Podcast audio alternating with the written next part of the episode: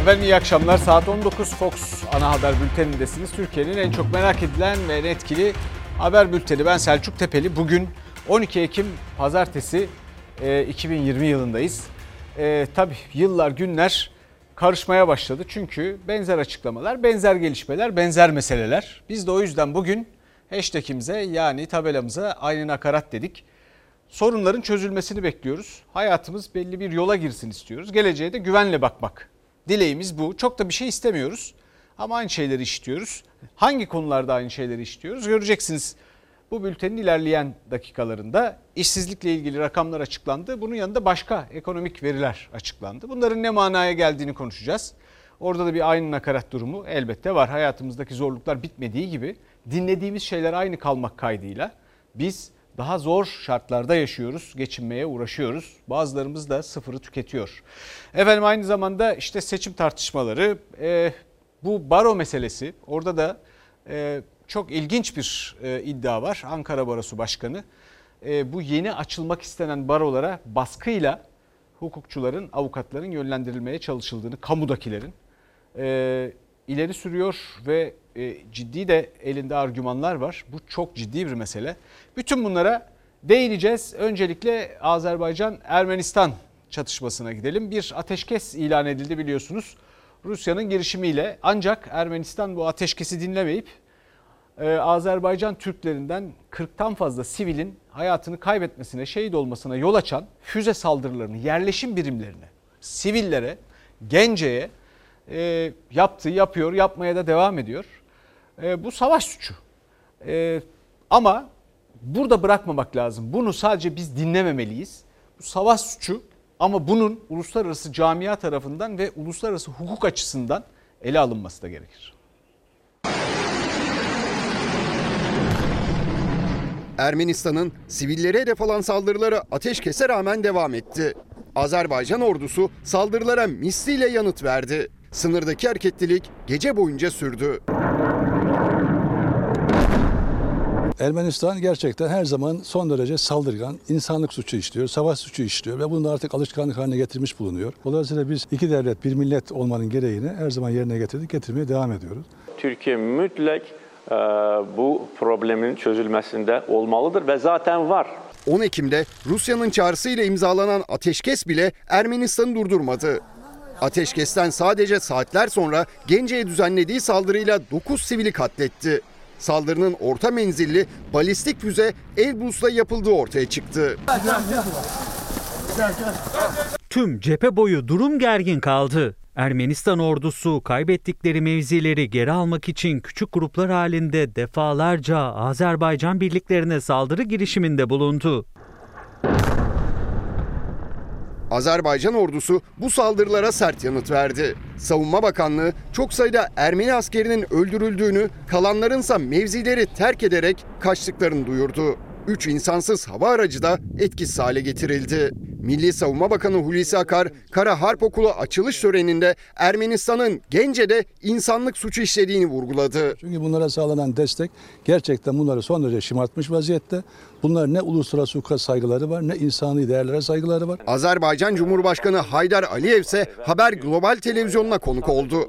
Türkiye sürece dahil olmalı dedi. Hangi məsələ bu bizim bölgəmizdə Türkiyəsiz çözüldü?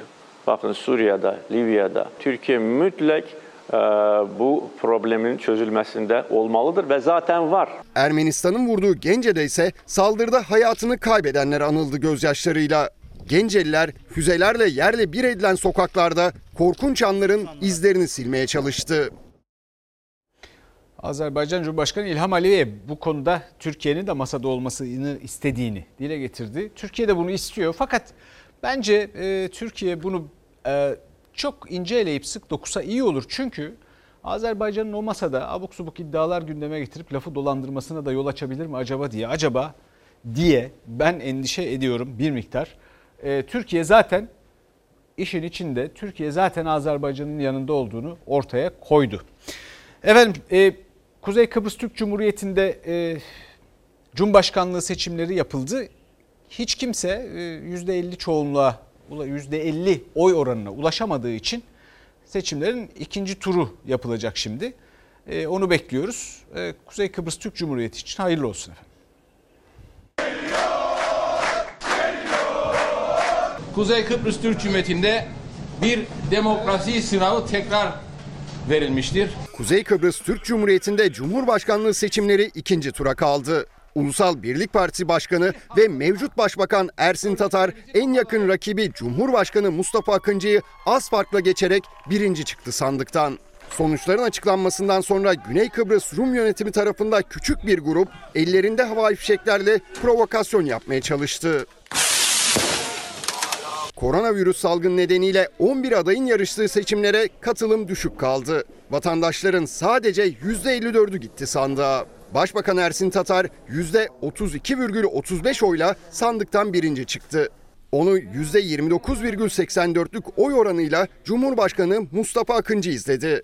Seçimin sürprizi ise oyların %21,68'ini alan Cumhuriyetçi Türk Partisi Genel Başkanı Tufan Erhürman oldu. Bu önemli yarışta %33'e yakın bir oy oranı ile Ulusal Birlik Partisi bir zafer elde etmiştir.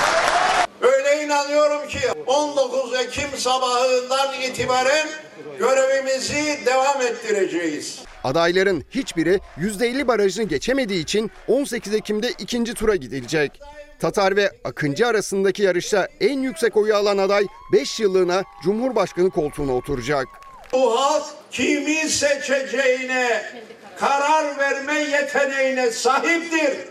Sonuçların açıklanmasından kısa süre sonra küçük bir grup ellerinde bayraklar Güney Kıbrıs Rum yönetimi tarafındaki Derinya sınır kapısında toplandı. Rumlar havai fişek ve sloganlar atarak Türk tarafını tahrik etmeye çalıştı. Kıbrıslı Türkler de sınırın Kuzey Kıbrıs tarafına gelerek İstiklal Marşı okudu. Her iki tarafta da polis olayların büyümesine engel oldu. Efendim ilkokul tamamı ve aynı zamanda da sınav öncesi sınıflar yüz yüze eğitime başladılar. Okul öncesinde de aynı durum söz konusu fakat velilerin endişeleri okullardaki tedbirlerin yetersizliğini gördüklerinde e, azalmadı. Fakat bir yandan da okulların açılması lazım çünkü e, orada öğrenciler çok geride kalırlarsa bunu telafi etmek mümkün değil. O bakımdan da bu eksiklerin giderilmesi lazım. EBA'nın da işe yaramadığını gören veliler daha da endişeleniyorlar ve haklılar elbette. Sizi özlemiştik. Okulumuz şenlendi. Hoş geldiniz. Çok mutluyum okullar açılıyor. Yani yani ilk okulların kapandığından beri beklediğim gün geldi sonunda. Siz bayağı uzaktan böyle korkarak bakıyorsunuz. Evet korkuyorum göndermedi düşünmüyorum oğlumu şu anda. Buna güvenmiyorum yani. Korkarak bakıyorum. 2, 3, 4, 8 ve 12. sınıflar aylardır uzaktan eğitimdeydi. Artık onlar için de yüz yüze eğitim başladı. Ama veliler eğitime yine de uzaktan bakıyor. Çoğunun kafasında soru işaretleri var. Seçenekleri ise yok. Ya korkarak da olsa çocuklarını okula gönderecekler ya da EBA üzerinden eğitime devam edecekler. Yarın tekrar getirecek Yani misiniz? gerçekten düşünmüyoruz. Peki uzaktan eğitim görebiliyorlar mı? Ya uzaktan eğitimde söylüyorlar tamamen giriyor, giriyoruz bilgisayara her şekilde donuyor. Hani sistem donuyor bağlanamıyoruz yani. Bir şekilde verim yok yani. Ders ne ders gönderiyor ama hiçbir şekilde giremiyoruz. Ne internetten ne telefondan. Sosyal mesafe okulun içinde öğrenciler tarafından korunabilse bile sabahçı ve öğlenci olmak üzere ikili öğretim verilen okullarda giriş çıkış saatlerinde sosyal mesafe korunamıyor. Veliler ve öğrenciler bir arada bu kalabalık görüntüyü oluşturuyor. Veliler, öğrenciler eğitim hakkı ile sağlık hakkı arasında tercih yapmak zorunda bırakılıyor. Çocuklarımızın elbette ana mecrası EBA televizyonu. Çocuklarımız televizyondan ihtiyaçlarını rahatlıkla giderebilirler. Uzaktan ve yüz yüze eğitim aynı anda devam edecek. Milli Eğitim Bakanı Ziya Selçuk da ana mecra EBA dedi ama Eğitim Sen'de veliler de aynı fikirde değil. İstemeye istemeye geldik valla. Uzaktan eğitim alsaydın sonuçta size Hiçbir bıraktılar. faydasını göremedik. Hiçbir faydasını. Milli Eğitim Bakanlığı'nın asıl yapması gereken kamusal eğitim hakkının eşitlik ilkesinin tüm öğrencilerimiz için sağlandığı koşulları hayata geçirmek ve gerekli önlemleri almaktır. Okulda ders gören de EBA'dan dersleri takip eden de aynı sınava girecek. Aynı okulda bile eşitsizlik yaşanırken bir de özel okullarla devlet okulları arasındaki mesafenin açılması ihtimali var. Ne kadar koruyabilirsek artık. Peki güvenebiliyor musunuz tedbirler almak Hayır, asla yani. Hiç de güvenmeyeceğiz.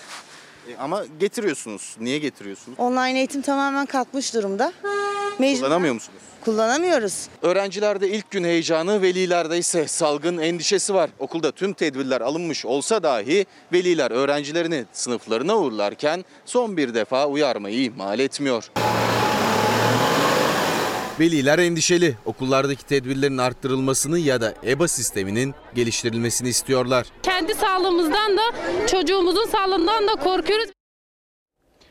Türkiye'de milli eğitimde özel okullarla devlet okulları arasında insanların kafasındaki uçurum hiç bu kadar açılmamıştı. Devlet okuluna çocuğunu gönderenler, özel okula gönderemediği için gönderenler, özel okullarda kendilerinden çok farklı bir eğitim alınabildiğini düşünerek rahatsızlar ve adil olmadığını düşünüyorlar ve bunu telaffuz da ediyorlar. E, bu arada özel okullarda durum nedir? E, onlarda epeyce öğrencileri de var. İşte e, tam olarak nerede nasıl bir e, sistem uygulanıyor? Yani açıldı mı, açılmadı mı, yüz yüze mi, değil mi? Ben o kafa karışıklığını sokakta da görüyorum. Pek çok kişi birbirine bir takım şeyler soruyorlar. Öyle bir dağınıklık var ki yani böyle dijital eğitim üstüne bir miktar yüz yüze. Efendim işte onu da zaten biz EBA üstü az yüz yüze dedik. Bu kafa karışıklığı başlı başına bir tedirginlik konusu. Başlı başına bir adalet yıpranması insanların kafasında. Bunu toparlamak lazım. Eğitim kalitesi de çok önemli tabii bana kalırsa. e, bir hasar tespiti yapmakta fayda var. Türkiye'de şu anda kim ne seviyede ve ne kadar e, bilgide in- çocukların birikiminde eğitim seviyesinde ne kadar bir kayıp yaşandı. Okula devam eden çocuklarda kayıtta ne kadar bir erime var. Bunlar çok önemli. Çünkü bir grup çocuk hiç ortalıkta yok muhtemelen ama biz sayılarını tam olarak bilemiyoruz. Efendim bu e, ortamda elbette aileler e, son derece endişeliler. Ama ben şimdi izleyeceğiniz haberde görüntüde bir yerde bir detay var.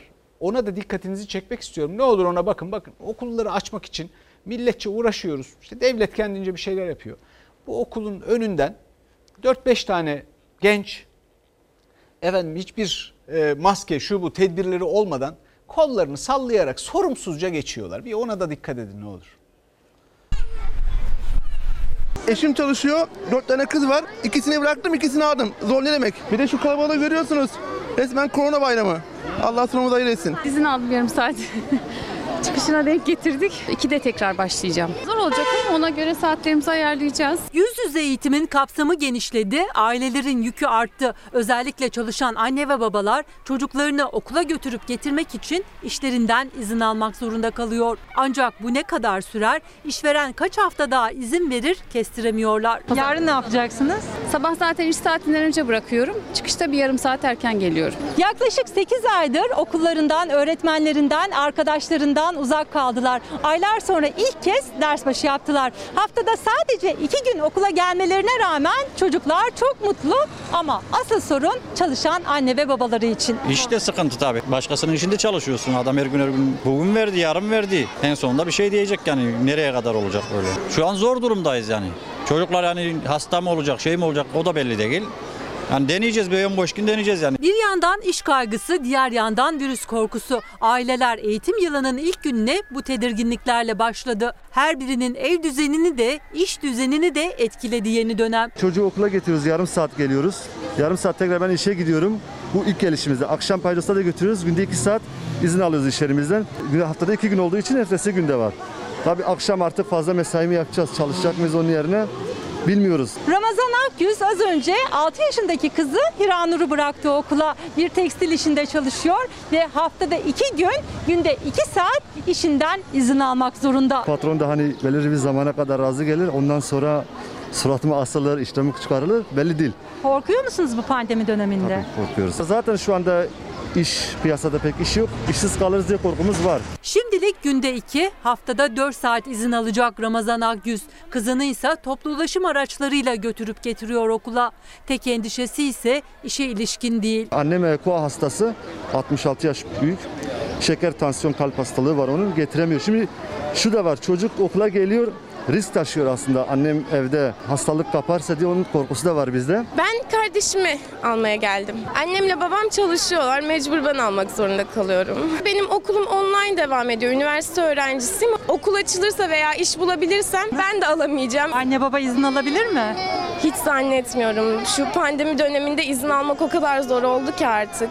Yani akşamları mesai bile yapıyorlar. İzin alamayan anne babaların yerini abla, büyük anne ya da büyük baba alıyor. Geçici çözümlerle ne kadar sürdürebilecekleri belli değil. Anne baba çalışınca dedeye büyük anneye mi kaldı? Evet evet evet evet öyle oldu. Efendim TÜİK'ten yeni işsizlik rakamları geldi. Ee, TÜİK'e göre işsizlik %13.4. Şimdi hem bu haberi izleyin hem de bu rakamın sizin için ne ifade ettiğini düşünün. Sonra bu konuyu açacağız.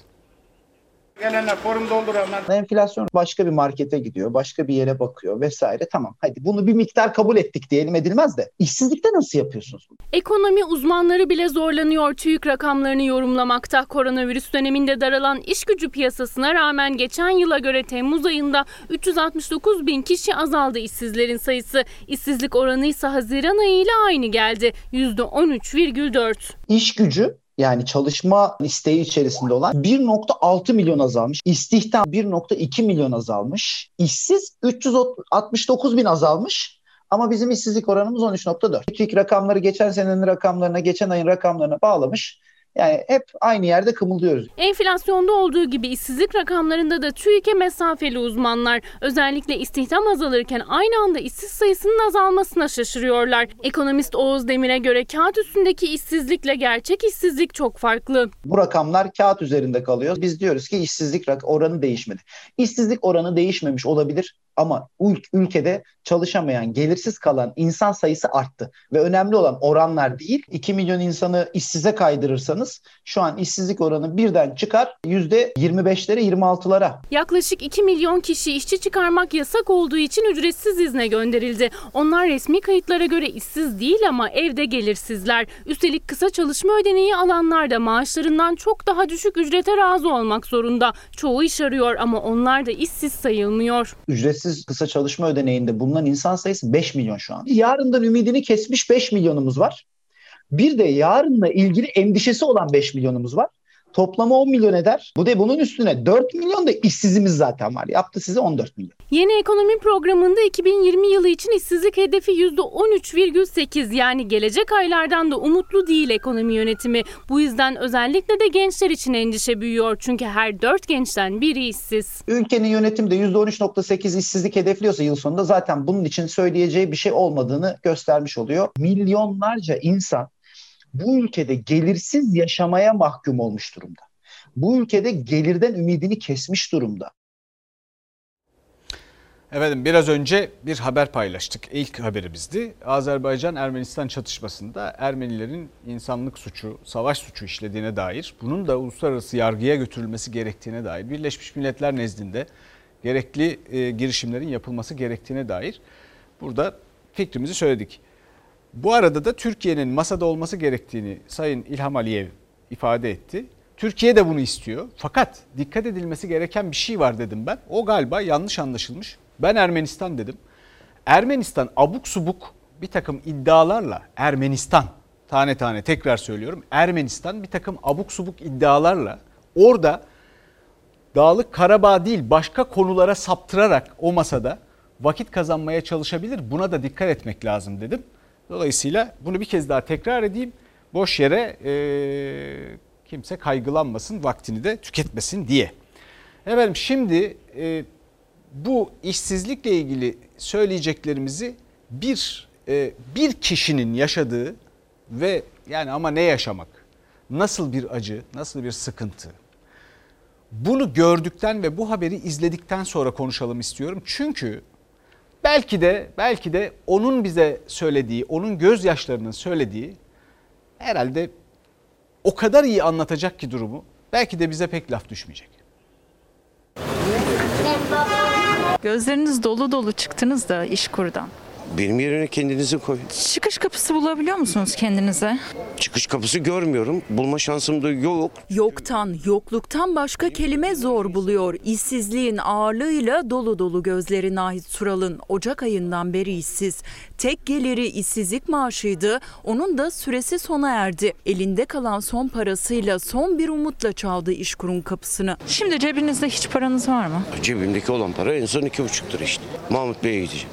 Yanına tükenen umudunu ve kalan son birkaç lirasını alıp iş aramaya çıktı Nait Sural. 56 yaşında emekli olamıyor. İşsizlik maaşıyla geçinmeye çalışıyordu. Bitti. İş için çaldığı bütün kapılar yüzüne kapandı. Kredi borcu, faturalar, geçindirmesi gereken ailesi Nahit Sural'ın iş bulmasını bekliyor. Şu anda gelirim sıfır. Evin geçimini nasıl sağlayacağım? Şu anda onun hesabını yapıyorum. Mutfak ne durumda? Berbat. Faturalar? Fatura mı ödenir şimdi? ya? Neyinin? Ondan faturayı ödüyorduk. Evde kısıtlıya kısıtlıya fatura ödüyorduk işte. Başka gelir yok. Çözümünüz var mı? Çözüm yok. İşsizlik kağıt üzerinde nasıl görünürse görünsün. işsiz kalan, iş bulamayan, kirasının faturasını ödeyemeyen, gıda ihtiyaçlarını bile karşılamakta zorlananların dünyasındaki gerçekler işsizliği çok farklı bir açıdan resmediyor. Pandemiden dolayı kapandı iş yerimiz. Ondan beri hala iş arıyorum. Geçtiğimiz Mart ayından beri. O zamandan beri. Pandemi sürecinde işsiz kalanlar çok oldu. Bunlardan biri de ben oldum yani. Etrafınızda yardım edenler kimler mesela? Komşu mu, akraba? Komşu. Yok iş yok. Peki geçim nasıl? Geçim valla olmuyor. Üç tane öğrencim var. Yapamıyoruz. Evde başka çalışan var? Yok. Bankaya borcum var. Ev kredisi de var. Normal kredi de çektim bu dönemde. Faturaları da ödeyemiyorum. Yüz binlerce işsiz, aynı zamanda çaresiz. Tek destekçileri, akrabaları, komşuları. Aksini düşünmek bile onlar için felaket. Akrabalardan kimisi maddi olarak getirip veriyor. Bir şey Gıda getiren var Var. Aileniz olmasaydı? Ya öyle olmasaydı felaket olurdu. Şimdi ne rakamı konuşuyoruz biz? Ne oranını konuşuyoruz? İşsizlik. Peki tersten bakalım. Yani ne ifade ediyor? Böyle bakıldığında bu rakamlar yani işsizlik oranları o kadar alışılmış bir şey ve o kadar aslında dikkat etmediğimiz, her açıklandığında böyle bir bakıp geçtiğimiz, ya inansak da inanmasak da çok da üstünde durmadığımız bir oran. İşte 13.4, %13.4 şimdi bugün açıklanan bu. Peki ne kadarımız çalışıyor? Şimdi biz bu rakamı görünce şöyle düşünmemek lazım. Diyelim ki %10, %10 işsizimiz varsa %90'ımız çalışıyor filan demek değil. İnsanların iş arıyor olması ve onun kayda girmesi lazım. Çalışanımıza bakalım. Ne kadarımız çalışıyoruz? Burası 85 milyonluk bir ülke neredeyse.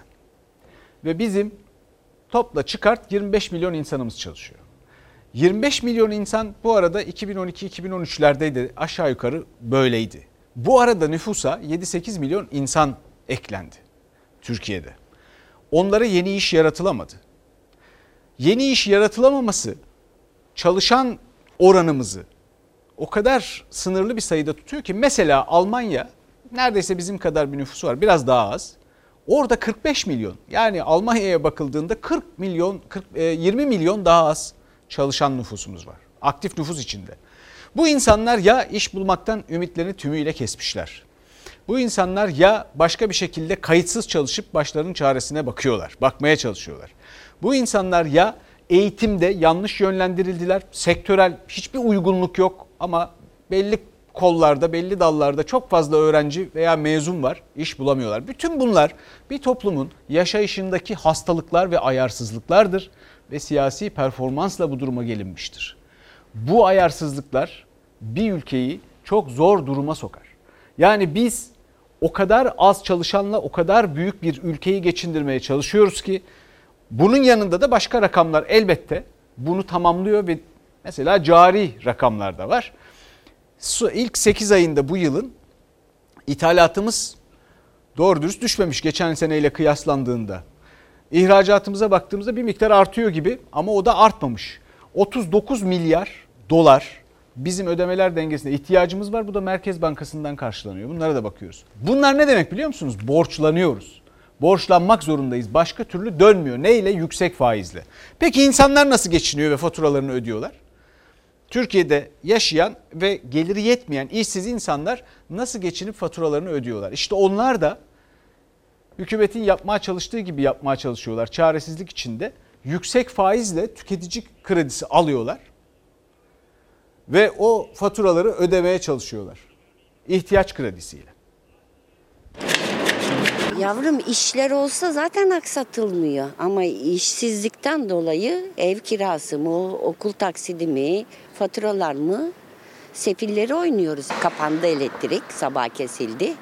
Onun cezasını ödemeden açılmıyor. Cezasını ödemeye geldim. Güne elektriksiz uyandı emekli Gülşen Hanım ve ailesi. 5 aydır elektrik faturalarını ödeyemiyorlar. Kesilince mecburen kredi çekti. Faiziyle 1600 lirayı bulan borcunu bu kez bankadan borç alarak kapattı, elektriğini açtırdı. Toplam borç 1200, ceza 400. Bugün mü ödedin? Bugün ödedim. Parayı nasıl buldunuz? Nasıl bulduk? Emekliyim. Maaş alamıyorum. 400 milyon alayım. Allah kerim artık. Allah bize biz bankalara. Ailesiyle yaşayan emekli Gülşen Hanım'ın 5 aylık elektrik borcu vardı. O borç 1200 liraydı. Ödeyemediği için bugün elektrikleri kesildi. O da bankaya gitti, kredi çekti. Şimdi ise borcu borçla kapatarak o krediyle elektrik borcunu kapattı. 1200 liranın yanında bir de 400 liralık gecikme faizi ödedi. Emekliyim. Evim kira. iki torun okutuyorum. Kızımla damadım çalışamıyor. İşi, okul servisi çektikleri için ya okul servisleri zaten çalışmıyor. Emeklinin, asgari ücretlinin, dar gelirlinin maaşının neredeyse yarısı faturalara gidiyor. Ödeyebilenler şanslı. Ödeyemeyenlerse elektriksiz, susuz kalma riskine rağmen çare bulamıyor. Fatura borcu biriktikçe birikiyor. İş yerini salgın döneminde kapatmak zorunda kalan Hülya Memiş de onlardan biri. 2-3 aydır ben kiramı veremiyorum. 2-3 aydır ben elektriğimi, suyumu ödeyemiyorum. Hadi suyumu bir şekilde takside bağlattırdım ufak çapta ama elektrik ve doğalgazım duruyor. Kesilecek ve ben e, kışta gelse şey de gelse soğuktayım. 5 yaşında torunum var. Gözümüzü açıyoruz zam. Kesilecek önümüzdeki ay ihbarname geldi zaten. Emekliyim ama faturalarla şunla buna başa çıkmak çok zor yani. 2-200 maaş alıyorum. 400 civarında faturaya gidiyor. Elektriğe yapılan %5,75'lik son zamla yükü daha da arttı tüketicinin. Elektrik normalde 70-80 gelirken 100 lira gelmeye başladı. Su, doğalgaz, elektrik ve uzaktan eğitimle daha büyük önem taşıyan internet masrafı derken maaş eriyor. Kışla birlikte havalar daha da soğuyunca 500 lirayı aşacak faturalar. Elektrik hiç gelmese 180-190. Doğalgaz zaten şimdi yaz yakmıyoruz ama normalinde 250 geliyor, 300 geliyor. Bıkılmaz mı abicim ya? Her şeye zam var, her şeye zam var. Emekliye ne verdiler? Hiçbir şey. Tüketiciler her ay daha yüksek fatura ödemekten şikayetçi ama onlar havaların iyi gittiği bu günlerden çok kışın özellikle doğalgaz faturasını nasıl ödeyeceklerini düşünüyorlar. Kışı yazı bir ediyorum. Ya bin liranın üzerinde ödediğim fatura. Ben emekliyim. Ne kadar emekli maaşınız? 1600 lira. Kışın e, sadece 400 lira doğalgaz geliyor. Böyle giderse yani ödeyemeyiz. Faturalar tüketicilerin uykusunu kaçırıyor artık. Geçen sene 250-300'dü. Bu sene herhalde 400-500. Gece uyurken bile onu şey yapıyoruz. Peynir alıyoruz 50 lira. Gelir aynı masraf 10 katı. Efendim bu arada tabii bu tabloya karşı siyasetten yükselen, e, telaffuz edilen cümleler var. Bu cümleler ilginç. E, bizim e, emekli maaşlarını ödemekle övünen bir bakanımız var. Bugün diyor ki Zehra, Zehra Zümrüt, Sayın Zehra Zümrüt Selçuk diyor ki emekli maaşlarımızı ödedik. Bu rakamı da söylüyor elbette çok ama emekli maaşlarımızı ödemekle övünmeye başladıysak işimiz var. Bu yıl Ağustos ayında toplamda 13,1 milyon emeklimize 30,5 milyar lira aylık ödemesi yaptık. Bu laflar neyin nesidir ben anlayamıyorum. Yani neyi söylemek istiyor ki? Emekli maaşları devletin emeklilere taahhüdüdür. Emekli maaşlarının kaynağı bu insanlar çalışırken bunlardan yapılan kesintilerdir. Kimin parasını kime veriyorsunuz da ondan sonra övünüyorsunuz? Sayın Bakan'ın bu açıklamasından biz korkmayın. Emekli aylıklarını henüz ödeyebiliyoruz mesajını alıyorum. Aile Çalışma ve Sosyal Hizmetler Bakanı Zehra Zümrüt Selçuk emekli aylıklarıyla ilgili öyle bir açıklama yaptı ki muhalefet de şaşırdı. Bakan iktidar olarak emeklilerimizin yanındayız derken maaş ödemeleriyle övündü. Son iki yılda ise emeklilerimize toplam 674,5 milyar lira aylık ödemesi gerçekleştirdik. Emeklilerimizin yanında olmaya devam edeceğiz. Allah'a şükür şu günlerde de emekli maaşlarını ödedik. Önümüzdeki dönem Allah kerim demeye mi çalışıyorsunuz? Tabii ödeyeceksiniz. Yani iflas etmedik demek istiyor. Ekonominin e, çok zor ve sıkıntılı bir durumda olduğunu Sayın Çalışma Bakanı bu beyanatıyla itiraf etmiş oluyor. Çalışma Bakanı'nın emeklilerin maaş ödemeleriyle övündüğü cümleler muhalefet cephesinde böyle yankılandı. TÜİK'in %13,4'lük işsizlik rakamları da tartışılan bir başka başlıktı. TÜİK'e göre geçtiğimiz aya göre işsizlik değişmedi ama geçen yılın aynı ayına göre düştü. Çıplak gözle herkesin gördüğü işsizliğin bu kadar arttığı bir dönemde işsizliğin azaldığını söylemek son derece yanlıştır. TÜİK çuvallamıştır. TÜİK'in makyajlı rakamlarına göre dahi son 21 ayın 19'unda her ay istihdam kayıpları olmuş. 13 milyon yurttaşımızın işi gücü yoktur. Bu nasıl iş bilmezliktir? Bu nasıl cahilliktir? Ekonomimiz son 20 yılın gerçekten en kötü seviyesinde. Bilmiyorlar arkadaşlar, bilmiyorlar. Ve düzeltemeyecekler, yapamayacaklar. AK Parti'nin eski ekonomi patronu Ali Babacan ekonomi yönetimini ve Cumhurbaşkanı'nı hedef aldı. CHP sözcüsü Faik Öztrak da Erdoğan'ın mümin yoklukta sabredendir sözlerini. Müminin görevi varlıkta şımarmamak, yoklukta ise sabretmektir. Tabii fakir fukara sabredecek ki bu beyler yandaşlarıyla beraber israf edecek. Millet yokluğa razı gelecek ki bunlar yazlık saraylarında, kışlık saraylarında, uçan yürüyen saraylarında zevkü sefa sürecek. Efendim izleyicilerimizden gelen mesajlardan birkaçını paylaşalım. Ee, bizim okullarla ilgili benim tutumumu ve bu işin ne kadar ciddi olduğunu bilen izleyicilerimiz elbette bana soruyorlar. Diyorlar ki can mı, sağlık mı yani eğitim mi? Şimdi bunun cevabını ben veremem elbette. Bunun cevabını siz verirsiniz. Burada ben kendi adıma şunu söyleyebilirim. Bence eğitim benim çocuğumun ya da başka birinin değil benim canımdan daha önemli. Ama bunu tamamıyla daha önce söylediğim gibi kendi adıma söyleyebilirim. Fakat bizim istememiz gereken ve isteyebileceğimiz hep de burada dile getirdiğimiz şu. Biz hem okulların güvenli açılmasını hem de yani güvenli olmasını hem de açılmasını aynı anda talep edebiliriz. Devlet bunun için var. Biz vergilerimizi bunun için veriyoruz. O yüzden de peşindeyiz. O yüzden de bakıyoruz. O yüzden de aksaklıkları burada sizinle paylaşıyoruz. Efendim bu arada e, şu e, Azerbaycan-Ermenistan çatışması ile ilgili Ermeni işgalinin, Ermenistan işgalinin sona ermesiyle ilgili e, baştaki haberle ilgili uyarılarda bulunan e, sevgili izleyicilerimiz de var. Kıymetli izleyicilerimizin uyarılarını elbette başımla beraber e, orada söylenen şey elbette ki Ermenistan'ın abuk subuk e, bir takım taleplerle Türkiye'nin de karşısına çıkıp bu ateşkes sürecini uzatmaya çalışmasından endişeliyim. Neden? Çünkü bu işgal bitmeli. Yani Azerbaycan başladığı işi bitirip Türkiye'nin de desteğiyle, hepimizin desteğiyle elbette Dağlık Karabağ'daki işgale son vermeli. Ateşkesin Ermenistan tarafından oyalama için kullanılmaması lazım. Anlatmak istediğim şey bu. Azerbaycan ve hepimiz için bu işgalin, bütün dünyanın işgal olarak tanımladığı Dağlık Karabağ'daki bu zulmün, Ermenistan zulmünün bitmesi lazım. Anlatmak istediğimiz budur. Karabağ Azerbaycan'ındır. Şimdi e, Türkiye'de başka bir tartışma sürüyor. O tartışma biliyorsunuz geçen hafta epeyce ele aldık bu tartışmayı. E, bu tartışmada e, Türkiye'de tarikatlara mensup insanlar yani benim bakış açım şuydu ve bunun çok karşılığı olduğunu gördüm. Tarikatlara mensup bir takım insanlar iş bulmaya çalışırken, atanırken devlet kademesine ya da başka yerlerde biz sıradan Türkiye Cumhuriyeti devleti vatandaşlarına Türkiye Cumhuriyeti vatandaşlarına göre daha mı avantajlı, daha mı öne çıkıyor bunu bilmemiz lazım dedik.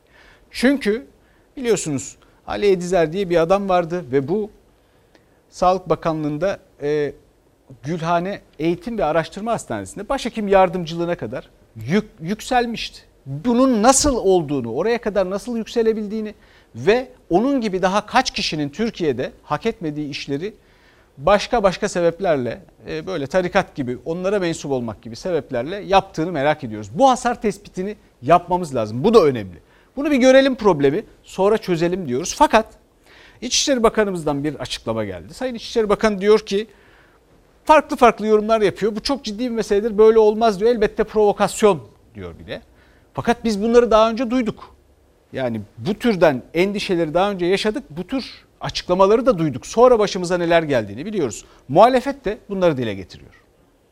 İçişleri Bakanı çıkıyor. Herhangi bir inanç grubunun devletin bir takım noktalarını yönettiği ve sızdığı değerlendirmeleri doğru değildir deyip bunları söyleyenlere abanın altından soba göstermeye kalkıyor. İçişleri Bakanı olarak söylüyorum herhangi bir inanç grubunun devletin bir takım noktalarını yönettiği ve sızdığı değerlendirmeleri başlı başına yeni bir istismar alanıdır ve doğru değildir, yalandır, provokasyondur. Soylu daha birkaç yıl önce bir Fethullah Gülen gider, bin Fethullah Gülen gelir diyordu. Atama İçişleri Bakanı bu defa acaba hangi cemaate sahip çıkıyor? Siyaset devletteki tarikat yapılanması iddiasını tartışıyor. İçişleri Bakanı Süleyman Soylu'nun iddialar yalan provokasyon sözlerini muhalefet arşivi de açarak iktidar tarikatları koruyor derken AK Parti'den yeni açıklama geldi. Siz hazır kıtalardan oy devşirmek istiyorsanız oy devşirdiğiniz alanları koruma ve kollama durumunda kalırsınız. Herhangi bir organize yapıya devlet içerisinde müsamaha edilmesini asla rıza gösteremeyiz. GATA eski başhekim yardımcısının medeni kanunla mücadele ediyoruz sözleri o kişinin tarikat bağlantısı olduğu iddiasıyla raftan indi. Devlette tarikat yapılanmasına dair tartışma. İçişleri Bakanı Süleyman Soylu iddiaları reddetti. Devlet FETÖ'den temizlenirken menzile ve benzeri tarikatlara teslim ediliyor. Belirli grupların demokrasi ve hukuk sistemi dışında siyaseti, sermayeyi ve devleti etki altına alması, yönetmesi, belli yerlere sızarak güç devşirmeye çalışması kabul edilemez. Kaldı ki devletimizin hiçbir biriminde böyle bir durum söz konusu değildir. Fethullah Gülen devleti ele geçiriyor dediğimiz günlerde asla böyle bir şey yok diyordu dönemin Milli Eğitim Bakanı Hüseyin Çelik. Cemaat devleti ele geçirmiş, devlete sızmış. Bunlar kargaları güldürür. Şimdi de birileri böyle bir kadrolaşma asla yok diyorsa demek ki kadrolaşma yüksek düzeyde var. Muhalefet yıllar önce Fethullah Gülen cemaati olarak bilinen yapılanma devleti ele geçiriyor uyarılarına karşı AK Parti cephesinden gelen açıklamaları hatırlattı. O dönem kim konuşsa FETÖ devlette kadrolaşmıyor diyordu. Poliste, yargıda. Bir cemaat yapılanması var mı? Ya hayır öyle bir şey olabilir mi? Sonra ne oldu? Millet devletini sokaklardan topladı. 15 Temmuz'da 248 yurttaşımız yaşamını yitirdi. 2196 yurttaşımız yaralandı. Türkiye'de bu FETÖ'yü devletin içerisine söküp atan AK Parti iktidarıdır. Hadi canım sen de. Kargalar esas buna güler. Arşivler yerinde duruyor. Devletin ilgili birimleri bu konuda çok hassastır. İddia edilen gibi bir tehlike ortaya çıktığı vakit gereken adımları yaparlar. AK Parti Grup Başkan Vekili bir tarikat devlette yapılanırsa gereken yapılır dedi. Muhalefet ise birden çok tarikatın belirli bakanlıklarda kadrolaştığını söylüyor. İktidarı FETÖ hatırlatmasıyla uyarıyor. Devletin bir takım noktalarını yöneten, devlete sızan, devlette çöreklenen cemaatler yokmuş. Bu zihniyette, bu aymazlıkta oldukça bu millet devletini sokaktan daha çok toplar bu gidişle. CHP lideri Kemal Kılıçdaroğlu e, Bahçeli erken seçim çağrısı yapsın dedi. Ortalık karıştı tabiri caizse. MHP'den de yanıt geldi. Sayın Bahçeli'ye söylüyorum. Eğer sen bu ülkeyi seviyorsan, bu ülkenin bekasını düşünüyorsan, çık kardeşim yarın sabah de ki yeter artık ya. Türkiye'yi seçime götür. Bunu duyunca fevkalade de güldük. Zannederim Kılıçdaroğlu siyasi Alzheimer hastalığına tutulmuş. Sayın Genel Başkanımız buna ilişkin görüşlerini defalarca açıkladı. Milletin onları değiştirmek için sandık talep ettiğini görüyorlar. Milliyetçi Hareket Partisi'nin sözcüleri ne zaman böyle sıkışıyorsa hemen hakaret etmeye yöneliyor. Bu üslubu aynen kendilerine iade ediyor. Kılıçdaroğlu'nun Bahçeli'ye erken seçim çağrısı, MHP'den gelen siyasi Alzheimer yanıtı üslup tartışmasına uzanırken, muhalefet erken seçim ısrarını sürdürürken AK Parti'den de yeni açıklama geldi. Ya memleketin problemlerini çözün yahut çözemiyorsanız çözebilecek olanlara alan açın. İşimiz çok. Bizim gündemimizde bir seçim olmadığını biz daha önce de defaatle söyledik. Dolar bugün 8 liraya dayanmış. Esnaf, sanayici perişan. Herkeste bir umutsuzluk başlamış. Böyle bir ortamda millete bir umut tazelemek, yeni bir heyecan yaratmak gerekir. Bu da ancak erken seçimle mümkün olur. Valla bizim boş işlerle uğraşacak vaktimiz yok. 2023'e hazırlansınlar. Biz şu anda vatandaşın çığlığını dile getiriyoruz. Umudunu yitiren vatandaşımız çareyi sandığın önüne gelmesinde aramaya başlamıştır. Muhalefetin erken seçim talebinin önceliğinde ekonomik kriz ön sırada ve seçim öncesi verilen vaatlerin yerine getirilmemesi. Ne oldu? Polise 3600 gösterge. Ne oldu? Emeklilikte yaşa takılanların meselesiyle ilgili olarak Bahçeli'nin verdiği sözler. Kılıçdaroğlu'na tavsiyemiz kahvaneye gitsin, sıfır kağıt açtırsın. Yancılık yaparken bir taraftan da 2023 seçimlerine kadar sembolik Cumhurbaşkanı adayı arayışlarına devam etsin. Ne kadar hakaret ederlerse etsinler. Milletimiz bunların notlarını da veriyor. Sandık geldiğinde de bunları apar topar evlerine gönderecek. Muhalefet kendi partilerini idare edemezken Türkiye'nin yönetilemediğini iddia edip erken seçim talebinde bulunuyorlar. Bunları ciddiye almıyoruz. Seçimleri 2023 yılında yapacaklar. Neye göre 3 yıl daha hizmet yapacağız diyorsun? Hizmet yapacaksan o zaman başla. 3600'den başla,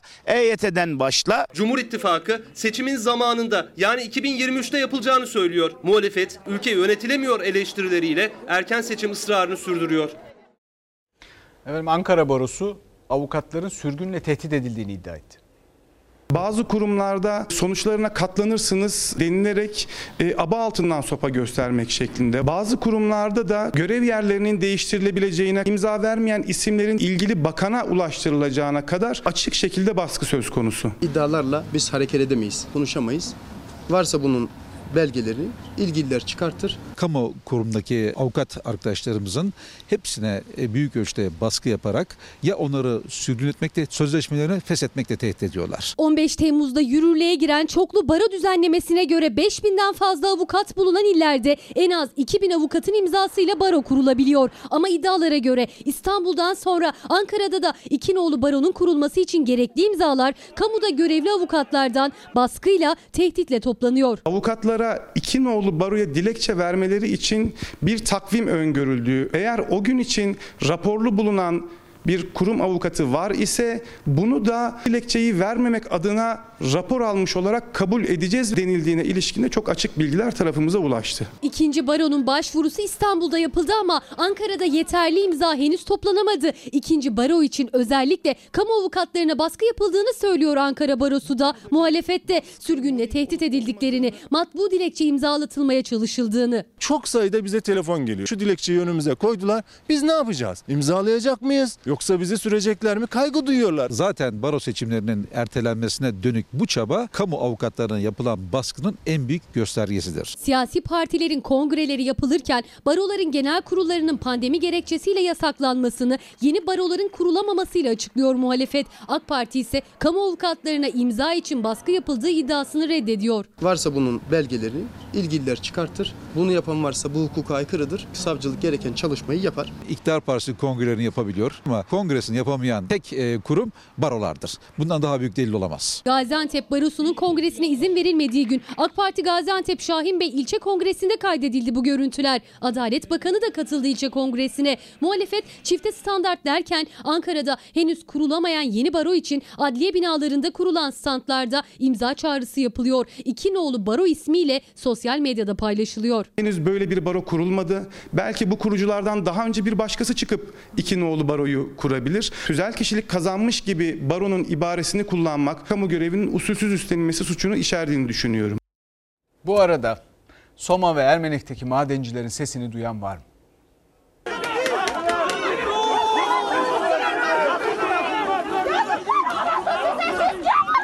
Jandarma biber gazıyla müdahale etti. Aylardır alamadıkları tazminat hakları için Ankara'ya yürümek isteyen madencilere izin verilmedi.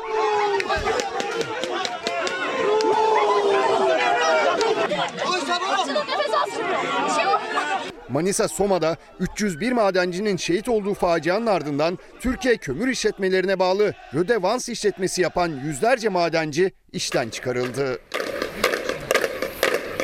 Beş kere ölümden döndüm. Hakkımı istiyor.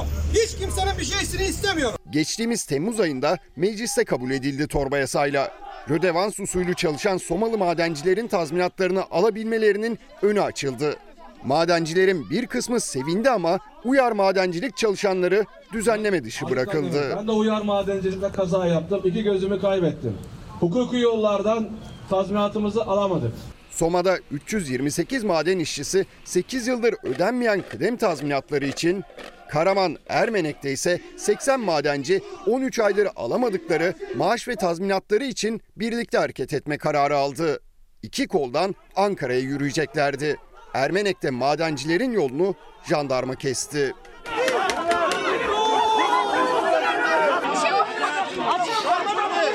Ben pandemiden ölmeye razı değilim. Hastalarım yok. Daha kötü. Öyle bir dünya yok komutanım.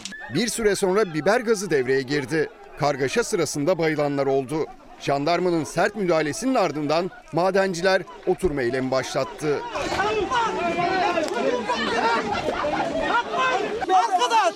Maaş vermese devlet durur musunuz sizce onun ay? Çocuğunuz yok mu? Şu gözümün haline bakın.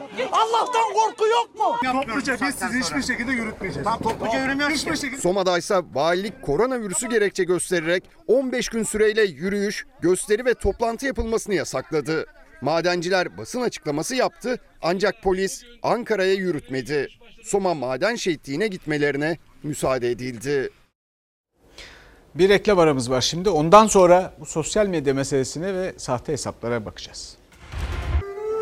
Kıymetli izleyicilerimizden gelen mesajlar var. O mesajlar arasında yoğunlukla sahte bir takım hesaplardan söz ediliyor. Benim adıma açılmış sahte hesaplar bunlar. Ee, Instagram'da meseleyi çözdük. Orada bir mavi tık var. İzleyicilerimiz diyorlar ki Twitter içinde bir mavi tık al. Bir kere benim Facebook'ta herhangi bir hesabım yok. Bu ikisinden önce benim sosyal medyada da bir hesabım falan yoktu. Ama bu işe giriştiğimizde bunun olması gerekiyor. Çünkü eğer bir hesabınız olmazsa daha da çok sayıda sahte hesap açılıyor. Fakat Twitter'daki hesabımın Selçuk Tepeli. Arada bir tane daha K var. Selçuk'la Tepe'nin arasında iki K'li. Bunu unutmayın. Bu mavi tık başvuruları falan yapıldı. Ee, global yani dünyadaki yönetimdeki merkezinde de bu başvurular var. Onların hukukçularıyla da temasa geçildi. Fakat Twitter mavi tık vermeyi durdurmuş bu salgın sürecinde. Her ne hikmetse. Bununla uğraşıp duruyoruz. Henüz o sahte hesapların kapatılması da gerçekleşmedi. Bu gerçekleşmediği sürece biz bu konuyu burada konuşmaya devam ederiz. Jack Dorsey Twitter'ın e, CEO'su, kurucusu. Jack Dorsey bir takım paylaşımlar yapıyor. Sağda solda da görüyorsunuzdur bunları. Efendim sabahları saat 5'te kalkıp filan işte buzlu banyo yapıyormuş. Buzlu küvete giriyormuş. Günde bir tek öğün yiyormuş filan. Ya bunları bir kenara bıraksın da bakın bu ciddi bir iş. Bu ciddi işlerle ilgilensin kurumu. Çünkü senede 3,5 milyar kazanıyorlar dolar. 1 milyar dolar kadar karları var. O yüzden de bunu gündemde tutmaya devam edeceğim. O sahte hesaplar kapatılıp buraya bir mavi tık alınana kadar. Bunu bilin, siz de yanılmayın lütfen. Gerekli başvurular yapıldı uyarılarınız için de. Çok teşekkür ederim. Efendim e, bu arada Hatay'a, güzel Hatay'ımıza ve Kahramanmaraş'ımıza yangından sonra geç çok geçmiş olsun diyoruz. İçişleri Bakanlığı tahkikatı sürdürüyor. Sorumlular ortaya çıktıktan sonra bununla ilgili de konuşacağız. Bugün bizden sonra Yasak Elma var yeni bölümüyle. E, çok teşekkür ederiz. Yarın görüşmek üzere efendim.